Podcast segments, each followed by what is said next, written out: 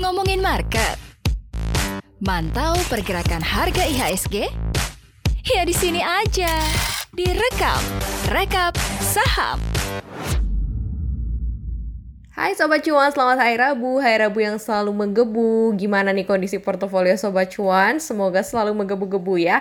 Seperti IHSG yang kemarin ditutup di level 6130, ini sangat-sangat menggebu-gebu dan sangat-sangat kuat sekali resisten yang dibentuk karena apa? Total transaksinya pun juga dikonfirmasi aktif di 13,5 triliun rupiah. Seperti biasa mulai pagi sebelum transaksi ada rekam rekap saham harian bersama Maria Katarina jam 8 pagi di podcast saya Cuap Cuap Cuan dan ada deretan informasi yang sangat menarik dan harus diperhatikan oleh Sobat Cuan pastinya sebelum memilih saham-saham kecenan ciamik pada hari ini. Kira-kira ada informasi apa saja? Langsung saja kita lihat beberapa informasi yang masuk ke dalam radar rekam hari ini. Next.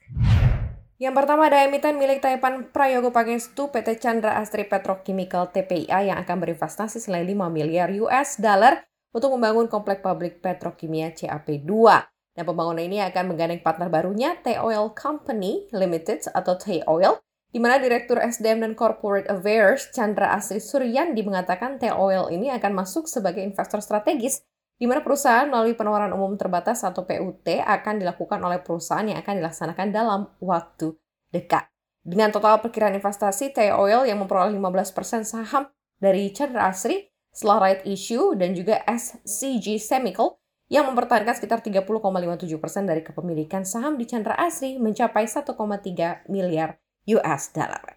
TPIA, oke nggak nih Sobat Cuan? Kita ke info selanjutnya. Next. Yang lagi heboh ada PT Sumber Alvaria Trijaya Tbk AMRT, pengelola jaringan retail Alfamart, yang akhirnya buka suara atas kabar di publik yang sempat heboh terkait dengan dugaan penipuan yang dilakukan oleh dua direktur Alfamart. Dalam keterangan tertulis yang disampaikan melalui laman keterbukaan informasi di Bursa Efek Indonesia, Direktur dan Sekretaris Perusahaan AMRT Tomin Widian membantah isu tersebut dan mengatakan bahwa sampai saat ini perseroan belum menerima panggilan dari pihak yang berwenang. Perusahaan juga menjelaskan bahwa persoalan ini bermula pada September 2013 ketika Alfamart dan CV Andalus Makmur Indonesia yang mewakili Ihlan Yeremia Manuruk menandatangani perjanjian waralaba. Kira-kira Sobat Cuan yang suka ke Alfamart tertarik juga nggak punya sahamnya? Kita serahin aja ya ke Sobat Cuan. Next. Selanjutnya ada informasi dari perusahaan Maintenance Repair and Operations plat merah PT Garuda Maintenance Facility Aero Asia Tbk yang mencatatkan kerugian bersih sebesar 8,70 juta US dollar atau setara dengan 126,15 miliar rupiah. Catatan kerugian tersebut juga turun 72,19 persen atau mengalami perbaikan dari periode yang sama tahun sebelumnya, yang mana rugi yang diperoleh perusahaan mencapai 31,28 juta US dollar. Penurunan kerugian anak usaha anggar pesawat PT Garuda Indonesia atau GIAA ini salah satunya diakibatkan oleh hasil pengendalian beban usaha yang terpangkas lebih dari setengahnya menjadi 67,69 juta US dollar dari semula sebesar 139 1,68 juta US dollar. Wah, ada keringanan sedikit nih ya. Dari GMFI yang selalu performing, performing well begitu ya untuk menyumbang induk usahanya Garuda Indonesia. Kira-kira sudah masuk radar Sobat Cuan? Kalau belum, kita ke info selanjutnya. Next. Selanjutnya, emiten plat merah yang bergerak di industri semen PT Semen Indonesia Persero Tbk mencatatkan kenaikan laba bersih sebesar 29,7 persen pada semester pertama tahun 2021. Laba bersih perseroan juga naik menjadi 794,12 miliar dari periode yang sama tahun lalu sebesar 612,46 miliar. Kenaikan laba bersih yang cukup signifikan didapatkan dari pendapatan perseroan yang ternyata hanya tumbuh tipis dari semula 16,02 triliun rupiah dalam enam bulan pertama di tahun ini, lalu kini bertambah 1,2 persen menjadi 16,21 triliun rupiah pada paruh pertama tahun ini.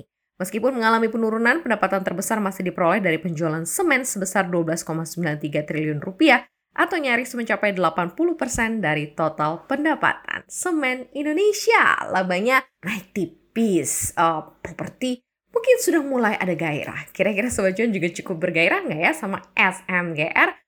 Boleh dilirik-lirik, boleh dilihat-lihat keputusan di tangan Sobat Cuan. Kita ke info selanjutnya. Next. Selanjutnya nih, mayoritas saham bank-bank mini alias bank buku 2, bank dengan modal inti 2-5 triliun ditutup di zona hijau pada perdagangan selasa kemarin. Penguatan 18 saham bank mini terjadi di tengah kenaikan IHSG juga yang mencapai 0,56 persen.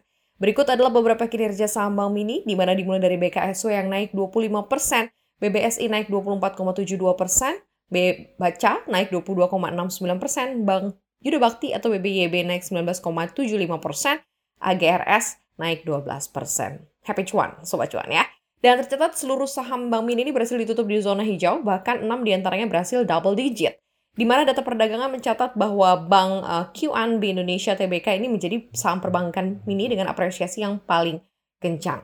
Selanjutnya ini ada informasi yang cukup baik juga nih, di mana kabar terbaru bank yang disokong peer-to-peer uh, lending Kredivo ini akan melanjutkan penerbitan saham baru dengan skema right issue untuk yang kedua kalinya. Ini terjadi di bank bisnis internasional ya, saham perbankan kecil dengan apresiasi kedua tertinggi untuk perdagangan kemarin. Dan dalam keterbukaan informasi di Bursa Efek Indonesia, manajemen BBSI pun juga diwakili oleh Presiden Direktur BBSI mengatakan bahwa perseroan berencana untuk melakukan PUT 2. Dana hasil right issue pun seluruhnya akan digunakan untuk perseroan memperkuat struktur permodalan demi memenuhi ketentuan modal inti OJK dan juga sebagai tambahan modal kerja dalam rangka pemberian kredit kepada nasabah yang akan direalisasikan secara bertahap. Kayaknya belum selesai ya nih untuk saham-saham Bank Mini ya. Begitu juga uh, aksi ekspansi dari BBYB, Aku Laku versus BBYB, kemudian juga beberapa saham-saham perbankan mini lainnya kayaknya masih akan jadi sasaran tembak. Kira-kira Sobat Cuan masih punya atau masih lirik-lirik nih sampai sekarang walaupun naiknya sudah puluhan persen.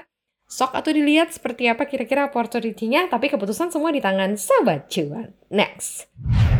Nah, cukup banyak kan tuh pilihan informasi berita disampaikan di rekap saham harian sebelum teman-teman semua bertransaksi saham, sobat cuan milih-milih dan kira-kira mana yang paling cocok dan pas untuk sobat cuan ya di tengah kondisi seperti ini dan juga tingkat permodalan yang ada. Hmm, dan profil resiko jangan lupa ya agresif konvensional ataupun mungkin yang agak-agak mau yang konservatif ya itu bebas-bebas aja sobat cuan. Tapi yang jelas dari informasinya cukup bisa melengkapi kebutuhan sarapan Sobat Cuan sebelum Sobat Cuan trading pastinya. Terima kasih ya Sobat Cuan selalu mendengarkan Maria Katarina setiap hari Senin sampai Jumat jam 8 pagi direkam. Jangan lupa ya ini pesan penting.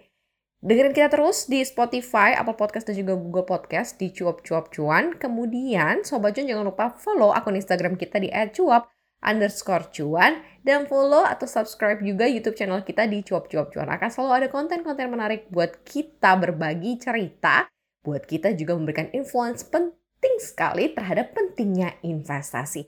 Oke deh Sobat Cuan, selamat siap-siap trading, selamat siap-siap investasi. Hari ini Maria Katarina pamit, jangan lupa sarapan. I love you all. Sampai jumpa besok. Dah.